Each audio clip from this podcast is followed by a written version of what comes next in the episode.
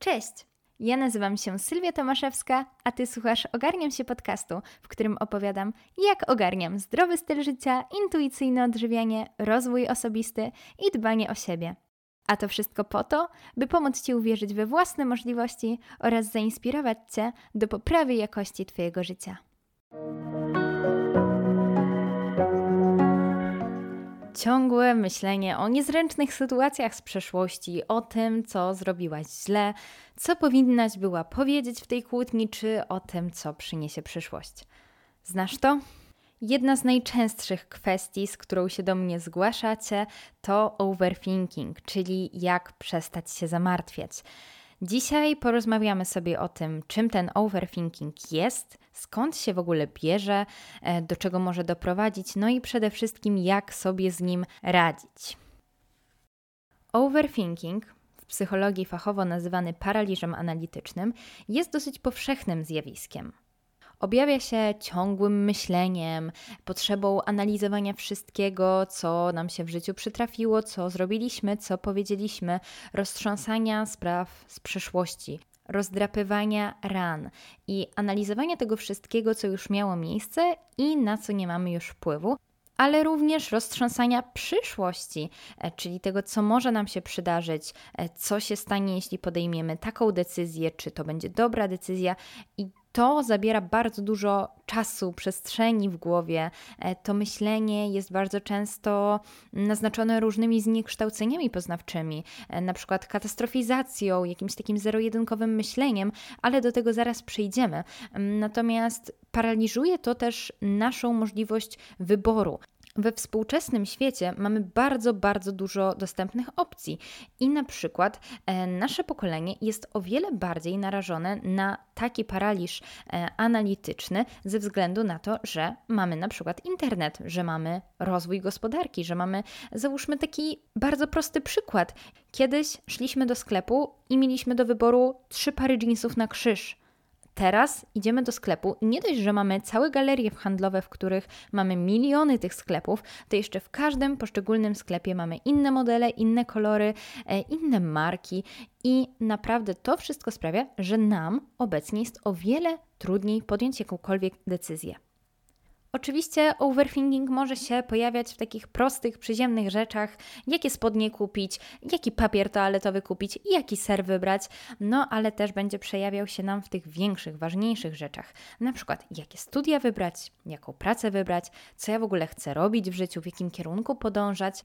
No i też ogromny, ogromny aspekt overthinkowania. Mam wrażenie, że to jest coś, z czym największa ilość osób się zmaga, to jest overthinking w relacjach. Overthinking o tym, co inni sobie o nas pomyślą, czy też to rozdrapywanie ran z przeszłości, bądź nadmierne myślenie o przyszłości, o których już wspomniałam. I overthinking może być czasami czymś dobrym. Na przykład, jeśli mamy jakiś zespół e, w pracy i są tam osoby, które są takimi overthinkerami i myślą o tym, co może pójść nie tak.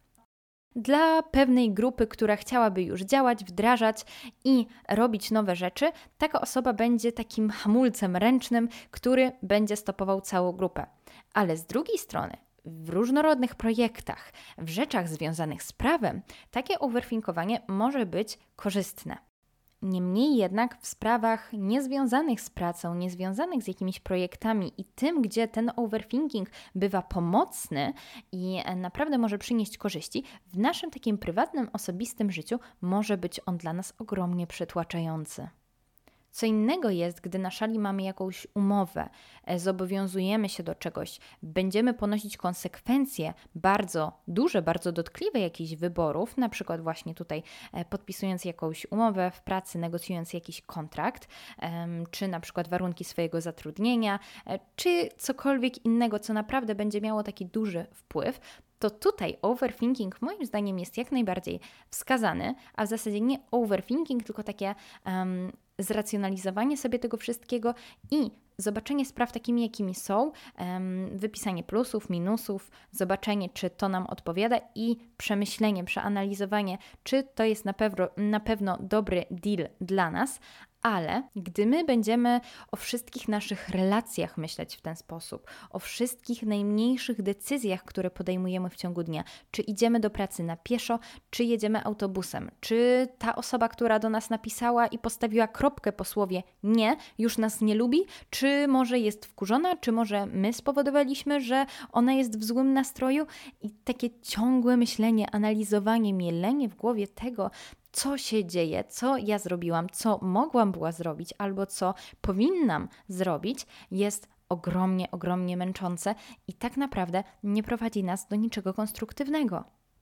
I właśnie na tym konkretnym aspekcie takiego życia codziennego chciałabym się skupić w dzisiejszym odcinku, ponieważ ta kwestia związana z paraliżem analitycznym i e, trudnością w dokonaniu jakiegoś wyboru, myślę, że jest troszeczkę łatwiejsza do zaadresowania, no bo faktycznie tutaj mamy e, fakty, które możemy sobie ze sobą zestawić. Jeśli to jest jakiś wybór, no to mamy jakieś przesłanki, e, na podstawie których możemy podjąć jakąś decyzję.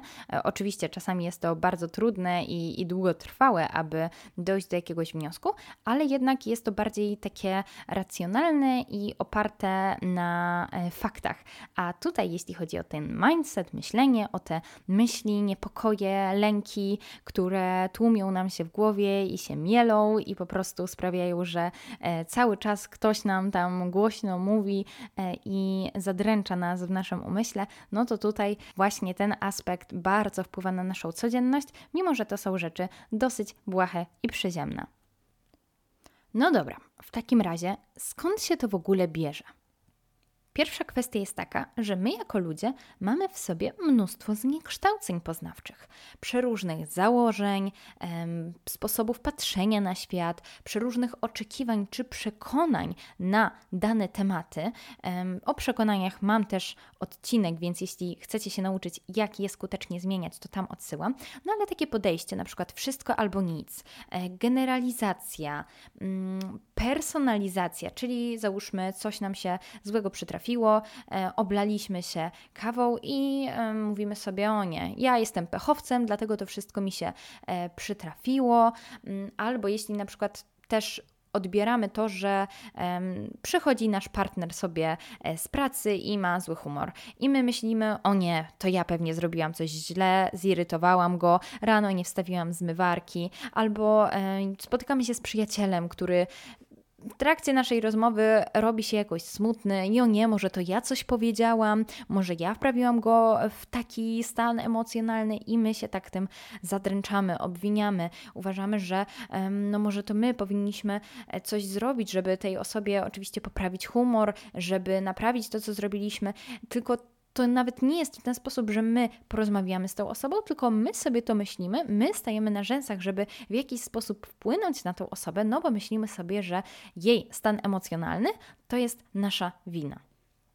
Podejście do świata, podejście do tego, co nam się e, przytrafia, też jest tutaj klasyfikowane jako to zniekształcenie poznawcze, bo e, wielokrotnie mówiłam w podcaście, że jeśli coś nam się przytrafia, to my interpretujemy, czy to jest coś pozytywnego i skupimy się na pozytywach i zinterpretujemy to wydarzenie w ten sposób, że znajdziemy w tym coś dobrego, czy będzie to dla nas coś negatywnego i będziemy się skupiać na tych złych aspektach, na tym, co nam się nie podoba, co jest złego w danej rzeczy, i wtedy będzie to dla nas wydarzenie negatywne.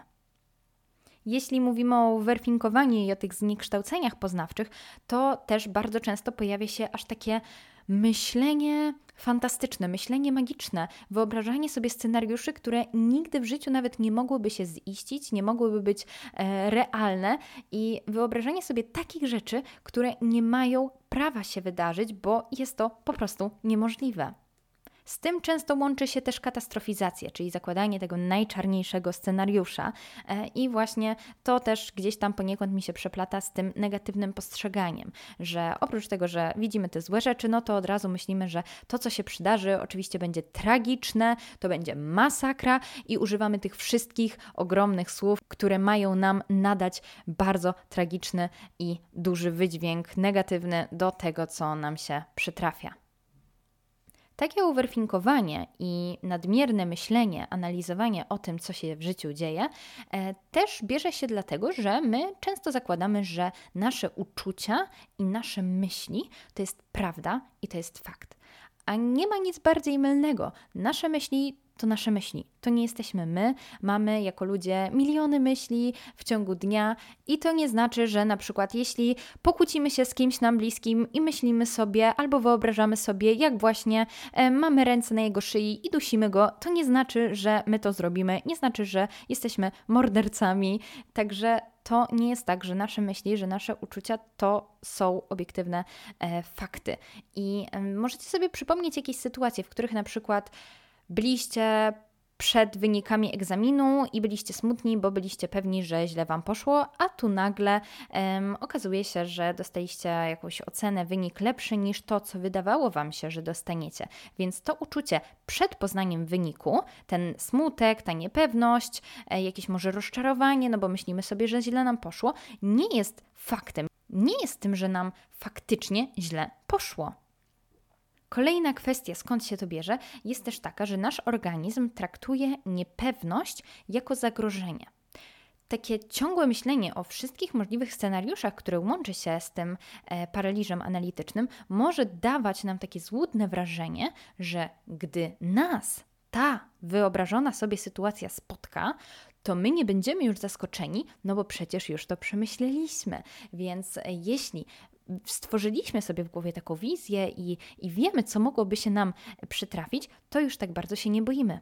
Tylko ponownie, to jest bardzo złudne myślenie, ponieważ my nie jesteśmy w stanie przewidzieć przyszłości.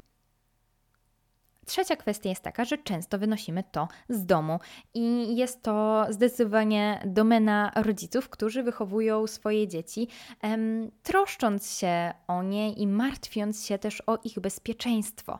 E, więc ja na przykład miałam wpojone coś takiego, że wychodzenie wieczorem jest złe, że ludzie są niebezpieczni i musiałam to w swoim życiu przepracować, bo od dziecka byłam tego uczona i ze względu na moje bezpieczeństwo, na to, że moi rodzice się o mnie martwili, troszczyli, e, miałam takie myślenie wpojone.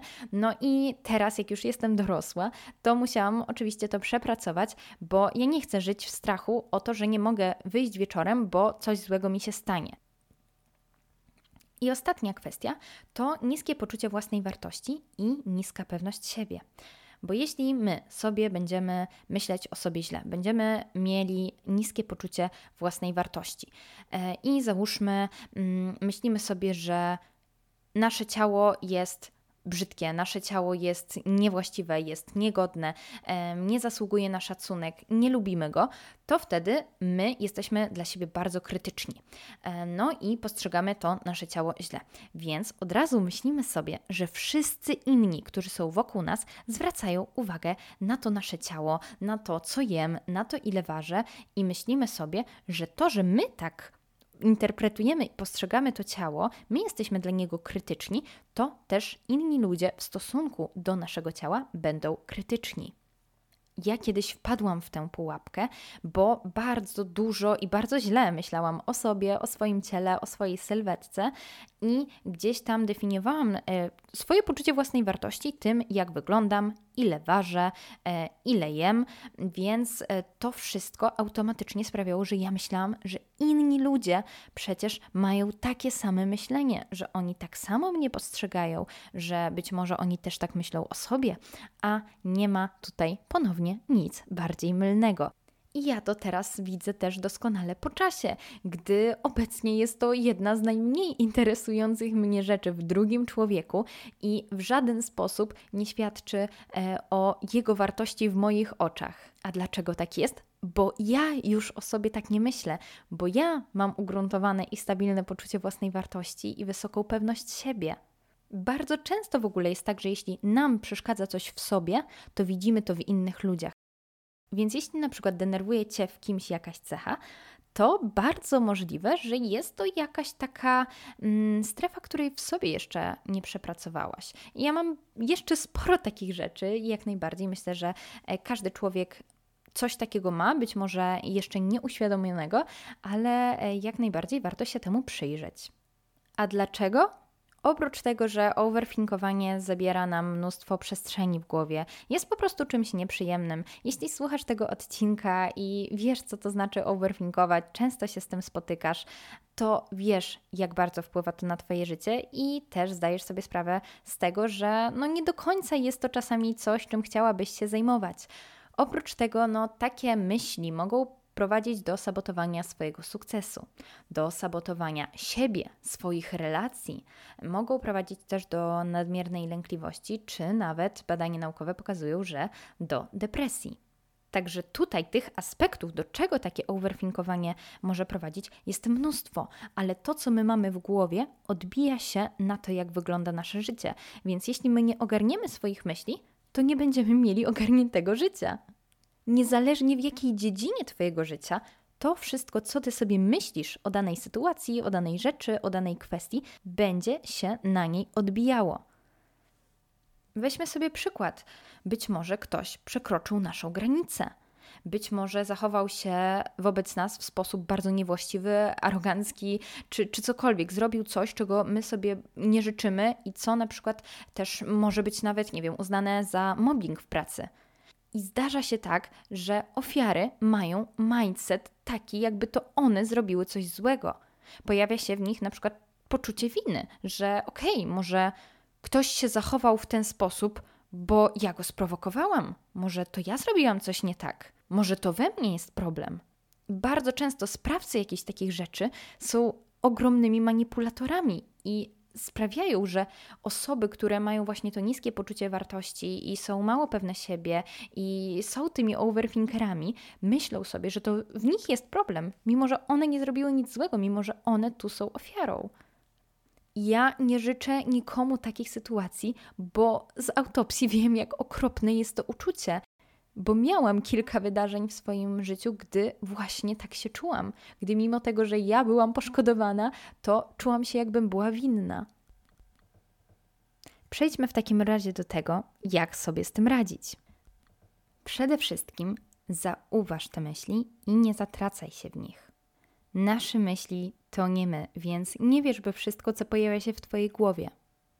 Bardzo łatwo jest odpłynąć z tymi myślami i dać się pochłonąć i wciągnąć w tą karuzelę nakręcających się myśli, ale właśnie zauważenie tego, że okej, okay, może teraz e, te myśli, które pojawiają się w mojej głowie, prowadzą mnie na manowce, zauważenie tego, nazwanie tego, okej, okay, teraz czuję, że hmm, chyba trochę ten overthinking mi się włącza i może e, nie jest to najlepsza opcja dla mnie, nie zatracanie się dzięki temu właśnie w tych myślach jest naprawdę bardzo pomocne, bo pozwala nam zwiększyć też taką samoświadomość, że to, co się pojawia w naszej głowie, ma prawo się tam pojawiać, ale my nie musimy się w to angażować, bo jeszcze raz powtórzę, nasze myśli to nie my.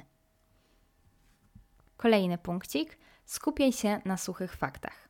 Czyli gdy przychodzą do nas jakieś myśli związane z daną sytuacją, weźmy sobie tutaj um, przykład.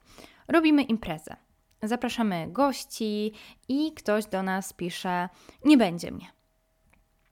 Tym momencie w naszej głowie może pojawić się milion myśli. O nie, na pewno mnie e, nie lubi, uważa, że impreza będzie słaba. Dlaczego w ogóle nie napisał, czemu go nie będzie? Może, może nie wiem, ktoś inny go zaprosił, może ktoś inny ma w tym samym dniu imprezę i może wszyscy moi goście pójdą na tamtą imprezę i moja będzie przez to totalną porażką. Potem ludzie będą o tym mówić, nikt nie będzie się chciał ze mną zadawać i w ogóle wszystko pójdzie nie tak. Jak widzicie, tutaj z tego jednego faktu, jakim jest, że ktoś napisał nie będzie mnie, zrobiła się cała spirala tragicznych, katastroficznych myśli, co to się stanie e, z tą imprezą. A tak naprawdę my nic nie wiemy. Wiemy tylko, że ktoś napisał nie będzie mnie. I przyjmijmy to, skupmy się na tym fakcie. Nie analizujmy dlaczego, co się musiało zadziać, co to oznacza, co za tym stoi, jaki jest za tym przekaz. Nie, po prostu fakty. Ktoś napisał nie będzie mnie, no to go nie będzie. To nie znaczy, że cię nie lubi, nie znaczy, że jesteś przegrywem, nie znaczy, że coś jest nie tak. Nie wiesz, co się stało. Może zmarł mu kot, może wyskoczyło mu coś niespodziewanego, może złamał sobie nogę i musi jechać do szpitala. Może za tym stać milion innych rzeczy i nie warto sobie zaprzątać głowy tworzeniem scenariuszy, co to mogło się zadziać. Ja bardzo często obserwuję po ludziach, z którymi obcuję, że bardzo analizują rzeczy, które nie powinny podlegać analizie.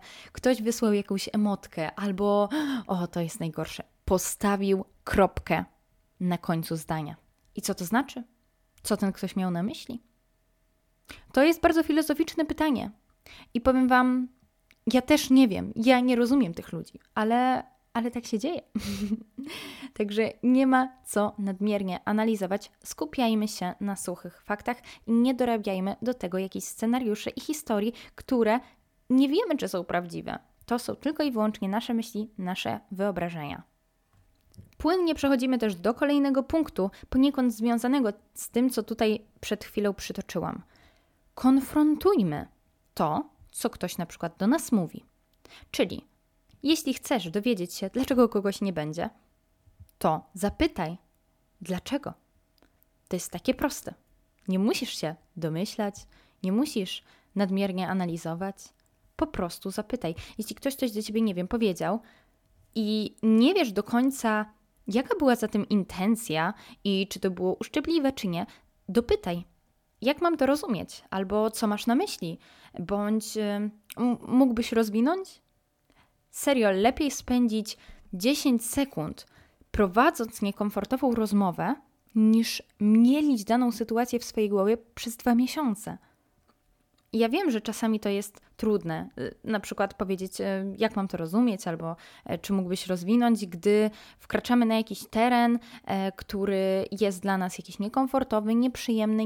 Jesteśmy może e, my w danym temacie bardzo wrażliwi i chcemy, aby po prostu dana osoba też to zrozumiała i szanowała, a powiedziała na przykład coś, coś takiego, co my zinterpretowaliśmy w taki sposób, który mógłby nas zranić, a może ona w ogóle nie miała takiej intencji. My nigdy nie wiemy, jakie doświadczenia ma druga osoba i rzeczy, w których my na przykład jesteśmy wrażliwi, załóżmy, niech to będzie to, jak wygląda nasza sylwetka. Ktoś może rzucić jakimś komentarzem i nawet nie zdawać sobie sprawy z tego, że to na przykład mogłoby nas zranić, albo w ogóle nie ma takiej intencji, więc warto wtedy dopytać, jak mam to rozumieć, co masz na myśli, mówiąc to i to to może przynieść Wam też dużo korzyści, bo po pierwsze, chronicie siebie, swoje granice, swój komfort. Po drugie, możecie zbudować nawet głębszą, lepszą relację z drugą osobą dzięki poruszeniu właśnie takiego tematu, dzięki temu, że lepiej zrozumiecie drugą osobę i, to, co ma na myśli, jaka intencja za tym stała, dlaczego coś takiego powiedziała. A po trzecie, nie będziecie potem analizować tej całej sytuacji, tych kilku słów przez następne tygodnie. Komunikacja to jest klucz w każdej relacji, także naprawdę warto o to zadbać, żeby nie dopowiedzieć sobie czegoś, co na przykład zmieni wasze nastawienie do drugiej osoby, podejście do niej, mimo że ona nawet nie miała nic złego na myśli, nie chciała nic złego zrobić, ale doszło tutaj do jakiegoś nieporozumienia, ktoś coś powiedział, my na przykład zinterpretujemy to po swojemu, bo jesteśmy wrażliwi w jakimś temacie albo mamy inne doświadczenia, inne przeżycia. Więc naprawdę warto, warto dopytywać, komunikować się i szczerze, ze zrozumieniem też dla drugiej osoby, z szacunkiem, bez unoszenia się emocjami, porozmawiać, poruszyć ten temat. Następna kwestia, gdy zauważasz te myśli w swojej głowie, to zwróć uwagę na słowa typu muszę, na słowa powinnam, zawsze, nigdy, trzeba, na te wszystkie wielkie kwantyfikatory i jakieś powinności, które pojawiają nam się w głowie i zapytaj siebie wtedy, czy aby na pewno. Czy ja aby na pewno muszę tak wyglądać? Czy to, że ktoś się spóźnił dwa razy, oznacza, że zawsze się spóźnia? Czy to, że powinnam być lekarzem i zarabiać dziesiątki tysięcy miesięcznie, czy to jest prawda? Czy naprawdę powinnaś? Czy aby na pewno trzeba się zawsze uśmiechać i być miłym dla osób, które nie szanują nas, naszych granic. Czy aby na pewno trzeba doprowadzić dom do ładu i porządku, czy może ty teraz wolisz odpocząć? A jeśli w naszej głowie pojawiają się czasem takie tragiczne, katastroficzne wizje tego, co mogłoby się wydarzyć, tego, co mogłoby się stać, to wtedy warto sobie zadać pytanie i przekalkulować, jakie jest tego prawdopodobieństwo. Jeśli będziemy lecieć samolotem i my sobie już w ogóle wyobrażamy ogromne turbulencje, to, że on spadnie, że w ogóle wpadniemy do morza, potopimy się, nikt nie przeżyje, to jakie jest tego prawdopodobieństwo? Ja tu Wam nawet powiem, bo sobie wygooglowałam. E, mamy tutaj tak. Wskaźnik wszystkich przypadków wyniósł 1,21 na milion lotów. Więc jest to dosyć niska liczba i to prawdopodobieństwo śmierci w wyniku wypadku lotniczego jest po prostu niezbyt wysokie. Także to prawdopodobieństwo, znanie liczb i tego, jak mała jest szansa, żeby coś się stało, też jest bardzo pomocne. Następny punkt e, będzie tutaj mi korelował z myślami, które pojawiają się często. E, to są myśli, które stają się naszymi przekonaniami, więc my powtarzamy je sobie często, często, często się pojawiają w naszej głowie i przez to zaczynamy w nie wierzyć, zaczynamy w ten sposób postrzegać świat. Warto sobie usiąść wtedy przy biurku z kartką, z długopisem i zadać sobie pytanie, co daje mi to przekonanie? Co ono mi daje? Komfort? Poczucie bezpieczeństwa? Co daje ci to przekonanie? Kolejne pytanie: przed czym ono mnie chroni? Czy ono mnie chroni przed odrzuceniem? Czy ono mnie chroni przed wysiłkiem włożonym w dany projekt, w daną rzecz? Przed czym chroni cię to przekonanie? I następna kwestia: czy to przekonanie zbliża mnie do osiągnięcia mojego celu? Jeśli odpowiedź jest tak, no to super. Jeśli odpowiedź nie, no to przeanalizuj, co ono ci daje, czyli dlaczego jest dla ciebie takie korzystne, przed czym cię chroni, tak? Czyli przed jakim cierpieniem to przekonanie mogłoby cię potencjalnie uchronić i ty podświadomie w to wierzysz, że ono cię przed tym uchroni. To w moim przypadku się niejednokrotnie sprawdziło, bo ja miałam dużo takich przekonań, które niekoniecznie były dla mnie korzystne, niekoniecznie były oparte na faktach, ale ja nie wiedziałam, czemu w nie wierzę. No i jak sobie tak przeanalizowałam i dogłębnie zastanowiłam się nad tym, przed czym ono mnie chroni i co ono ma mi dać, dlaczego ja w ogóle mam takie przekonanie, skąd ono też się wzięło, to to był naprawdę game changer i niejednokrotnie jakieś takie swoje przekonania przepracowałam właśnie korzystając z tych pytań. W ogóle bardzo polecam wyznaczyć sobie taki czas na rozmyślanie. Jeśli chcesz się czymś pomartwić, chcesz sobie pooverthinkować, dobrze, zrób to tylko wyznacz sobie 3 minuty, wyznacz sobie 5 minut i najlepiej jeszcze w tym samym czasie weź sobie kartkę, długopis, zapisz te swoje myśli, zapisz to, co pojawia Ci się w głowie, zobaczysz nawet, jak one są irracjonalne. Jak człowiek zapisuje te wszystkie rzeczy na papier, to nawet w trakcie pisania zdania może sobie zdać sprawę, że ej, co ja w ogóle piszę? Czy to ma jakiś sens? Bo gdy piszemy, to to nam zajmuje więcej czasu niż to, gdy myśli się pojawiają. Więc e, jest trudniej wpaść w ten wir zapętlających się myśli i tej katastrofizacji, zero-jedynkowego podejścia, myślenia i, i, tego wszystkiego, co się pojawia w naszej głowie, gdy e, wkracza tam overthinking. Więc naprawdę bardzo polecam zapisywać te przemyślenia, emocje, myśli i obawy na kartce. Wiem, że bardzo wiele osób zmaga się też z myśleniem, tym overthinkowaniem o przeszłości, o tym, co już się wydarzyło. Więc tutaj proponuję zmienić trochę narrację o tej przeszłości.